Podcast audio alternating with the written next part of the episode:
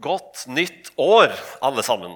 Og Det er en glede, og jeg blir skikkelig glad av å se utover denne nydelige forsamlingen som vi er samla her i dag. Den første søndagen i det nye året. Så la oss røyse oss opp og høre dagens prekentekst. Jeg leser fra 2. Korinterbrev, kapittel 5, og vers 11 til 21. Fordi vi kjenner ærefrykt for Herren, prøver vi å overbevise mennesker. Men vårt liv ligger åpent for Gud. Og jeg håper at det også ligger åpent for dere, så dere kan kjenne oss. Vi vil ikke enda en gang anbefale oss selv for dere, men vi vil gi dere anledning til å være stolte av oss, så dere kan svare dem som skryter av at de er de i det ytre, av det de er i det ytre, og ikke i hjertet. Har vi vært i ekstase, var det for Gud. Er vi ved sans og samling, er det for dere. For Kristi kjærlighet tvinger oss. Vi vet at én er død for alle. Derfor er de alle døde. Og han døde for alle, for at de som lever, ikke lenger skal leve for seg selv, men for ham som døde og sto opp for dem. Så kjenner vi ikke lenger noen bare på menneskelig vis. Og har vi før kjent Kristus på menneskelig vis, så kjenner vi ham ikke lenger slik. Nei, den som er i Kristus, er en ny skapning. Det gamle er borte. Se, det nye er blitt til. Men alt er av Gud han som ved Kristus forsonte oss med seg selv og ga oss forsoningens tjeneste. For det var Gud som i Kristus forsonte verden med seg selv, slik at han ikke tilregner dem deres misgjerninger. Og han betrodde budskapet om forsoningen til oss. Så er vi da utsendinger for Kristus, og det er Gud selv som formaner gjennom oss. Vi ber dere på Kristi vegne La dere forsone med Gud. Han som ikke visste av synd, har han gjort til synd for oss, for at vi i ham skulle få Guds rettferdighet. Slik lyder Herrens ord. Vær så god, sitt.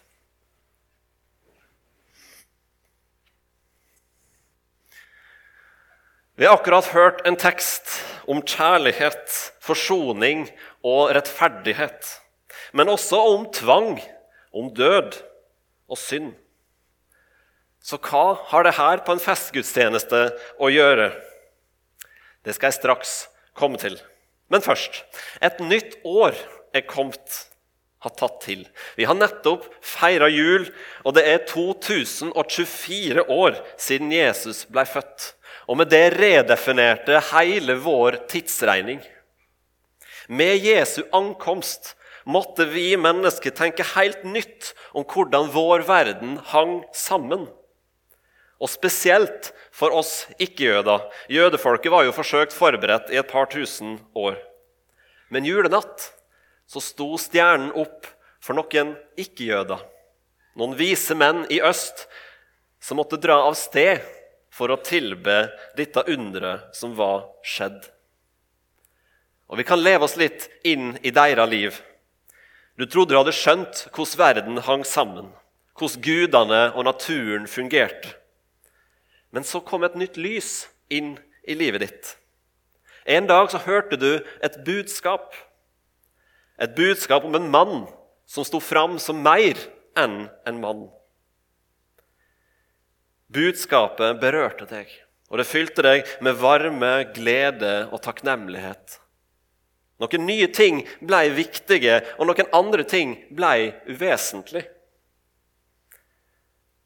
Andre ting måtte, vendre, måtte vente, og en ny vandring tok til. Til krybben hen. Og der Der var det nye sentrum for vår verden. Og du innser at fokuset og blikket, det må festes der på barnet under den store stjerna. Så kan det godt være at det er noen her i dag som ikke kjenner dette barnet som vokste opp til mannen Jesus. Noen av dere har lært han nylig å kjenne. Andre har vokst opp med fortellinger om han og har gradvis fått han mer og mer inn i deres hjerte. Og kanskje er du her og holder han litt på armlengdes avstand. Du vil ikke ha mer enn han enn det du syns passer som et hyggelig tilskudd i det livet du ønsker å leve. Men nå er det et nytt år. Det er tid for refokusering. Vi går ut med det gamle, inn med det nye. Statsministeren vår han snakka om at vi er nær et vendepunkt i samfunnsøkonomien. Vi skal få bedre råd, vi skal ha håp om at 2024 blir et godt materielt år. Men livet, veit vi, er mer enn ting. Ta noen innsikter fra noe som mange trenger å streve etter, nemlig lykken. Lykkeforskningen peker på at det er to ting vi trenger for å være lykkelige. Det er noen gode relasjoner og noe mening eller meningsfullt å fylle dagene våre med. Det materielle, pengene, det er bare hjelpsomt et stykke på veien. Etter et visst punkt så har det minimalt utslag på vår livskvalitet. Så er du her og søker lykken, så er det to ting du trenger å fokusere på i år. Noen gode relasjoner og finne noe meningsfullt. Men hvis det var så enkelt, hvorfor strever vi likevel med å nå dette? For hva er til syvende og sist meningsfullt om mennesket egentlig bare er et tilfeldig biprodukt av biologien på vei til graven? Hvor vi forankrer vår mening, og hvilket mål du setter, det tripper ned og forplanter seg i andre delmål. Det styrer din tid, dine prioriteringer, dine penger og ditt fokus. Hva du setter som livs, sitt, våre livs mål og fokus, det kan få dypt og vidtrekkende konsekvenser. Hvor vi setter kursen, er avgjørende for hvor vi til slutt ender opp. Og Mange her har sikkert vært ute på Gardermoen, på flyplassen vår. Og Der kan det se veldig likt ut. Det kan se helt likt ut helt fram til du sitter i stolen på flyet. De har jo samme fly, hele gjengen av flyselskapene. Men det er en himmelvid forskjell på om du ender opp i vakre, deilige Ålesund eller i klissblaute Bergen. Du må følge med på den skjermen. Hvor skal dette flyet? I dag er vi mange samla her. Vi har hørt vi er fra fire forskjellige søstermenigheter. Og De siste åtte åra har vi i denne byen her gått fra én til fire menigheter i Misjonssambandet. Fra utsida kan vi kanskje se litt splitta ut. Her har folk gått sine egne veier, kanskje. Eller har vi det? Jeg liker godt ei scene i filmen 'Robin Hood' med Russell Crowe. Historien om antihelten Robin Hood er velkjent. og I denne filmen ser vi hvordan Englands erkefiende Frankrike forsøker å destabilisere det britiske kongehuset for å deretter seile over kanalen med sin hær på et gunstig tidspunkt for å erobre de britiske øyer. Det franskekongen har oversett, er Robin Hood. Med sitt mot og sine venner så klarer de å samle noen fraksjoner av den britiske hær, og de setter av sted mot de britiske hvite klippene. Med bueskyttere og med riddere. De setter bueskytterne oppe på klippene, så de kan skyte ned på franskmennene når de kommer i land. Og de har riddere som kan ri ned og ta ut de fortumla franske infanteristene. Når man ser dette, så går det skikkelig dårlig for franskmennene. Og da er det et klipp av franskekongen som sitter i båt litt lenger ute i kanalen, som ser inn og utbryter. Hva er dette? Dette her ser ikke ut som et folk i indre oppløsning. Fienden vår djevelen og den onde, han kan splitte og ødelegge og angripe når vi minst venter det. Hva er da vårt forsvar, både som enkeltpersoner og som folk? Svaret ligger i dagens tekst. Og Den rommer tre sannheter som kan hjelpe oss å sette rett fokus i 2024. Paulus åpna med 'Vårt liv ligger åpent for Gud'. Paulus skriver til en av sine kjære menigheter, Korint. Her har han bodd lenge, her kjenner han gatene, og mer enn én gang har han gått opp igjennom mellom kjøtt- og fiskemarkedene sett opp mot avgudstemplene, opp trappa og ut på den vide, åpne plassen for å møte mennesket, skjøtte sitt yrke, men også dele budskapet om Jesus med deg som vil høre. Her i Korint så er det noen som har kommet inn som hevder å være spesielt godt utrusta. Som trekker folk til seg og truer Kristi plass i menneskers liv. Paulus ser fienden true fellesskapet, og ikke minst det livgivende felles grunnfjellet for menigheten i Korint og dem å stå på, nemlig evangeliet om Jesus.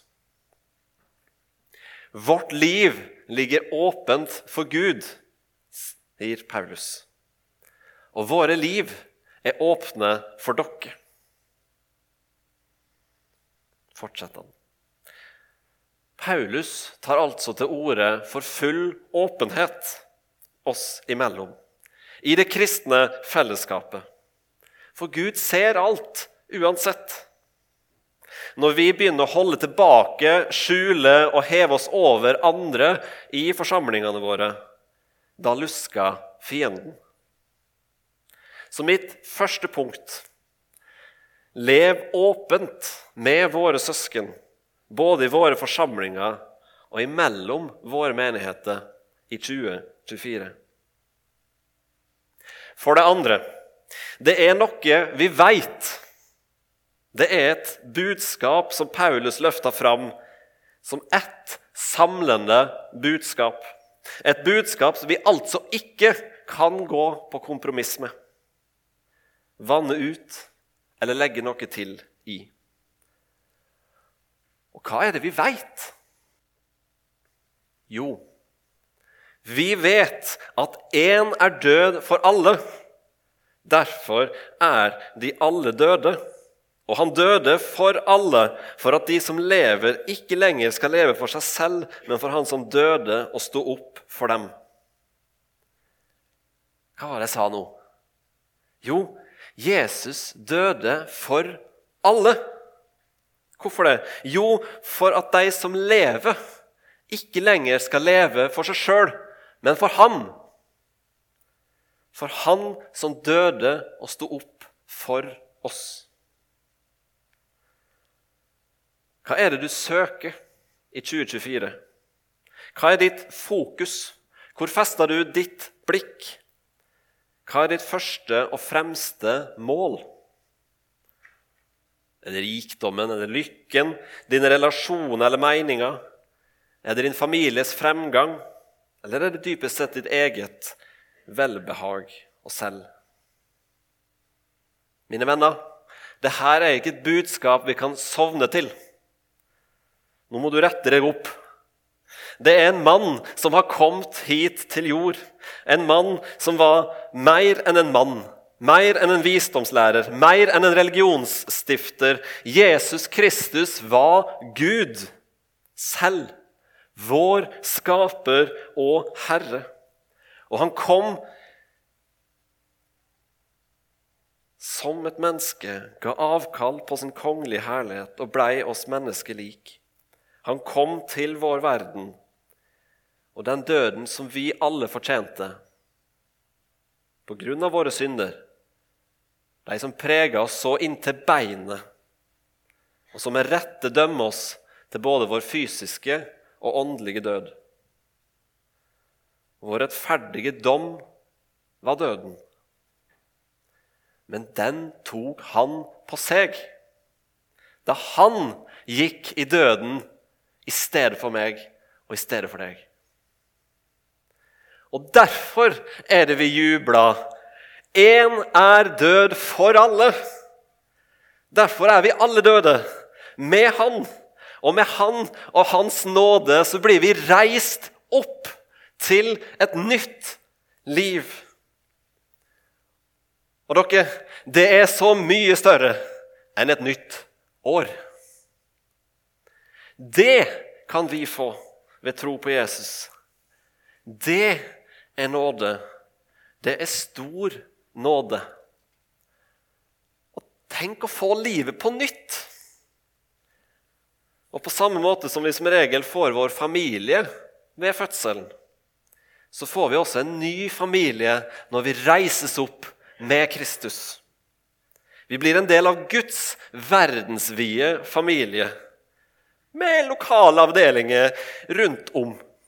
Her i sentrum, på Tøyen, oppe i Groruddalen eller på Østensjø. Så Derfor er mitt andre punkt det her. Du som tror på Jesus, du lever ikke lenger for deg sjøl, ditt og dine. Du er gitt den nåde å få leve for Jesus og få være en del av Guds familie. Du er satt fri ifra deg sjøl og ditt eget svikefulle hjerte ved Jesu død og oppstandelse for deg. Og for det tredje Når du er gitt alt dette, hva gjør du? Hva gjør vi? Jesus han som elska oss så høyt at han ga sitt eget liv for oss. Denne kjærligheten som dreiv han, denne kjærligheten, den smitta over på oss. For når vi ikke lenger lever for oss sjøl, men for ham som døde som sto for oss, da får vi også den kjærligheten. Og det er en kjærlighet som tvinger. Den tvinger oss til å dele dette frigjørende budskapet videre. Hvor vi ikke kan sitte stille. Vi kan ikke tie. Derfor så har vår bevegelse i generasjoner satt seg et stort mål. Vi vil se verden for Kristus. Og vi gir oss ikke før Kristus kommer tilbake. Den dagen han kommer, da skal alle bøye kne for kongen. Men den dagen så er det også en dag for dom. Derfor må vi ut av disse salene, ut av disse dørene, ut i vår by, ut i våre bydeler, ut av landet vårt, ut i nye bygder og byer ut fra våre kyster til alle mennesker, alle steder.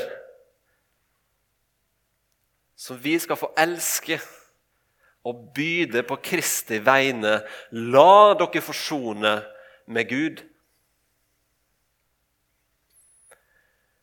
Gud er en forsona Gud.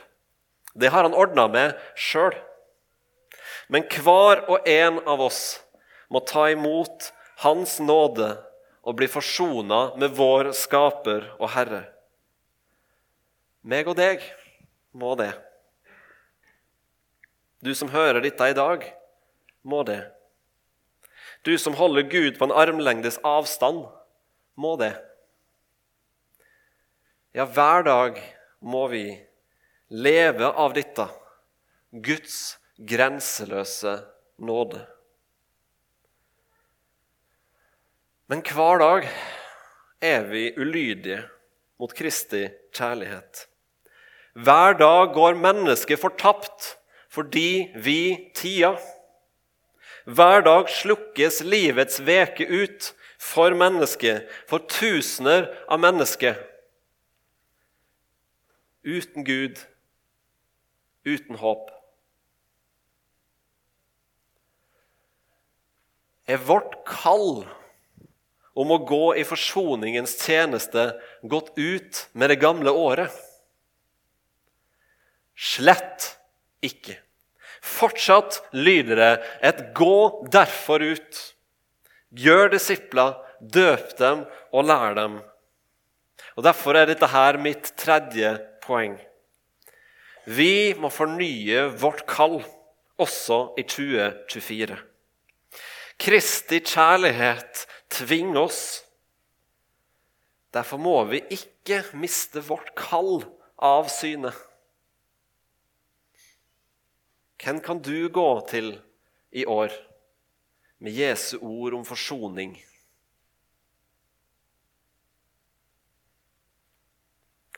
Mine venner, dere her inne i dag, dere gir meg håp. For hver uke så er jo vi i berøring med tusenvis av mennesker. Vi er spredd rundt i store deler av byen, men forent om vårt felles budskap, om, vår, om én person, om Gud. Han som gjør og virker alt i sammens. Så la oss leve åpent med hverandre. La oss forenes om det frigjørende og nådefulle budskapet som vi kan samles rundt søndag etter søndag i våre forsamlinger. Og la oss dele det budskap som vi er gitt å forvalte, til beste for vår neste. Og så er det min bønn at det en dag kan bli sant at Oslo, at Norge og alle steder der det lever mennesker på denne jord, så er vi én verden for Kristus. La oss be.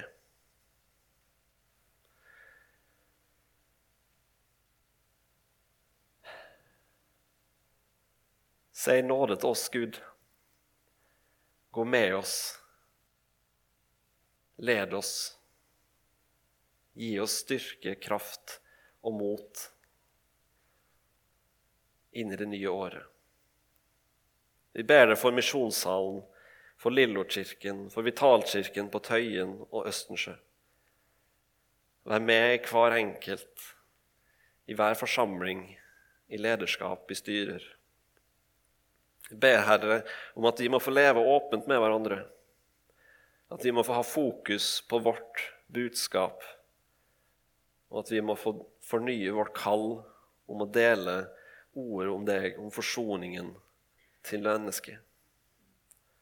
Takk, Gud, for din grenseløse nåde, som vi får ta imot ufortjent, gratis, hver eneste dag.